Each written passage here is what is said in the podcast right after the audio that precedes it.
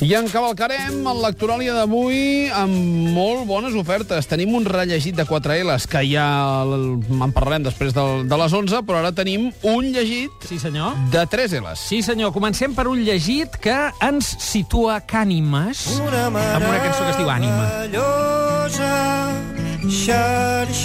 Per eh, parlar de retrobar l'ànima. Sí, senyor. Aquest és un llibre de l'Esteve Miralles, ho publica Empúries, va ser Premi Marian Baireda. És un dietari, un dietari narratiu que engega com un llibre de viatge, se'n va a la Toscana.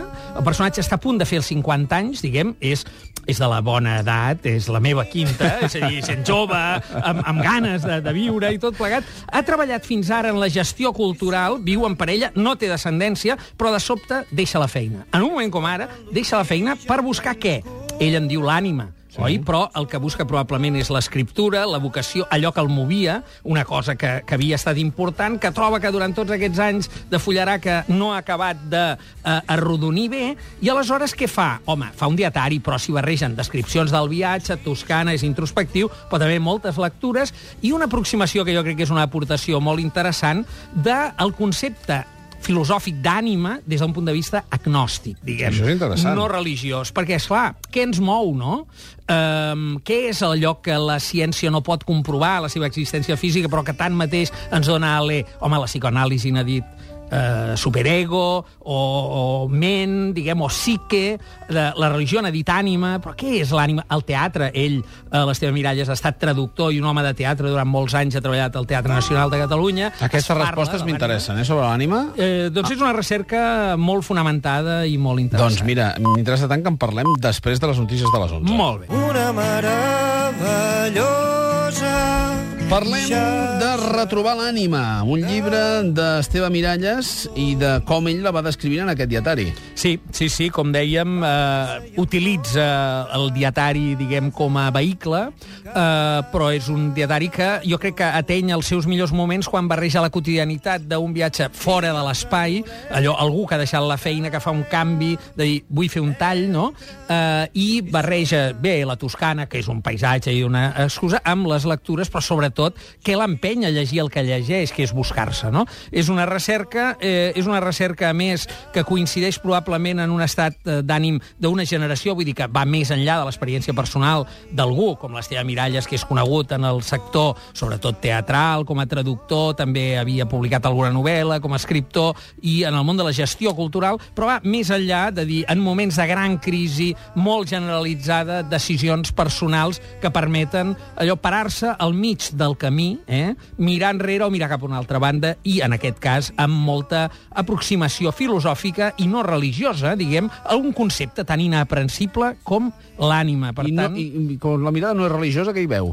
Ah, clar, el que hi veu és un seguit, diguem, de qüestions emocionals i intel·lectuals. No? Clar, i aquí hi ha una barreja, ell va buscar lectures importants, filosòfiques, eh, que li barreixen les emocions amb les expectatives, amb l'intel·lecció, i sobretot com aquesta ànima ens permet conviure amb la resta diguem, eh, perquè, és clar hi ha tota una ètica de la convivència per no canibalitzar-nos, no? que és el que surt de, del cos, eh, que dius, home, jo, és que el que m'estranya és que no es mati la gent pel carrer, bé, bé, bé a dir, no?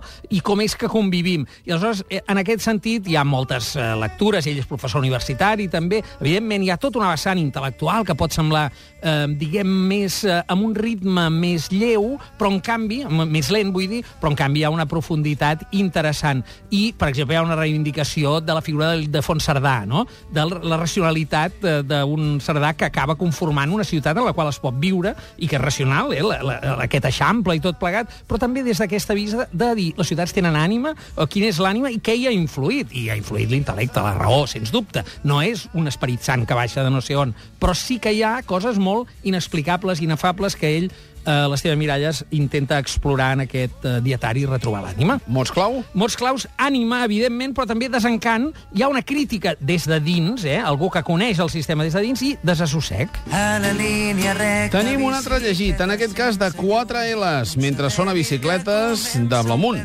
Sí, senyor, aquest és tot allò que una tarda moria amb les bicicletes de la Llucia Ramis, eh, que el títol l'ha posat un col·laborador d'aquest programa, Ah, sí? perquè és un vers del senyor Pere Jim Ferrer. Jim Ferrer, Home, exactament. sensacional. Eh? La Llucia tria... Perquè Gran que- llibre, el de Pere Gim Ferrer, eh? Sí, senyor, sí, senyor. I la, eh, bé, normalment els poetes tenen la capacitat de dir d'una manera, diguem, única, coses que podem compartir que no hauríem sabut dir d'aquella manera. La Llucia Ramis tria aquest vers d'en Jim Ferrer per fer una vocació molt semblant, per això l'he portada com a llegir, a la de l'Esteve Miralles. Però és una altra generació, és la d'algú com ella, una periodista cultural i escriptora també, mallorquina, eh, que fa anys que corre per aquí, que també es queda sense feina, però no és que la deixi per anar a buscar res, sinó que la fan fora. Eh? És una generació de gent que està als 30 i molts, anant cap a la quarantena. I en aquest cas ella no utilitza el dietari, sinó que fa una novel·la, però és autobiogràfica, clarament, i no se n'amaga, diguem. S'inventa un personatge que és periodista cultural, que és mallorquina,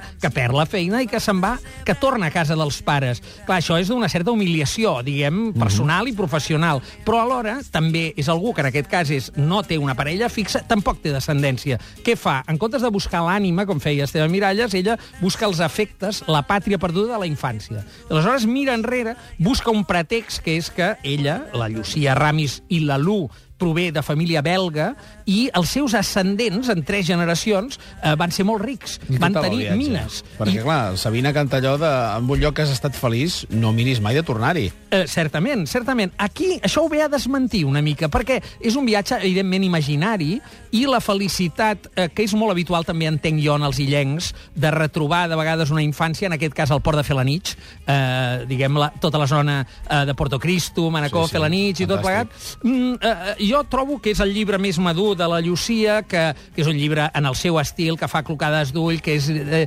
divertit, intens, eh, però que alhora és eh, un, un efecte, hi ha un primer nòvio, que hi ha un que era seminarista, diguem, i que es recorda, hi ha les converses sexuals eh, co- amb el seu pare, que la seva família, diguem, és molt d'esquerres, i aparentment es pot parlar de tot, però li sembla tot bé llevat del sexe anal. Ah. Llavors, eh, clar, i, i, i eh, rere això, que pot semblar, diguem, una cosa absolutament fora de to, eh, és, és bastant interessant observar com una família amb unes arrels molt riques, amb uns avis, diguem, mallorquins molt de dretes, amb uns pares molt d'esquerres, pateixen els pares per com seran els fills, no? Per dir, clar, uns eren molt de dretes, nosaltres som molt d'esquerres, i ara aquests els hi fa por, no?, de que no hi hagi la llei del pèndol uh -huh. i es tornin cap a la dreta. Llavors, bé, hi ha, hi ha una exploració, en aquest cas, de la infància, dels afectes, dels amors, però que també podríem dir de l'ànima, no?, d'algú que també s'atura, m'ha interessat, perquè no tenen res a veure, són dues generacions diferents, amb un tall, que se'n diu crisi econòmica entremig, que tots dos van al mateix lloc, és a dir, a perdre la feina i a mirar enrere, però hi venen per motius diferents i troben també coses diferents, no? En el cas del, de la Llucia, amb un vehicle eh, novel·lat, amb un personatge que ella no s'amaga de dir que és ella, no pas amb un dietari, que fa totes aquestes exploracions. Dos llibres molt interessants que m'ha agradat, diguem, comentar plegats, eh? perquè eh, tracten bàsicament del mateix. Mots clau? Aquí és família, però també desencant, i aquí la crítica és des de fora, no des de dintre, sinó des de fora. I també desassossec. Jo vull ser la meva iaia. La iaia canta Jo vull ser la meva iaia i ens serveix per il·lustrar el fullejat. Sí, el fullejat, acabem, ja que hem parlat de- d'ànima, de, de família, de mirar endavant, enrere, un fullejat interessant. Àngels Navarro publica Avis i nets, jugueu! Són, eh, això ho publica ara, llibres, més de 200 jocs per a avis i àvies d'ara.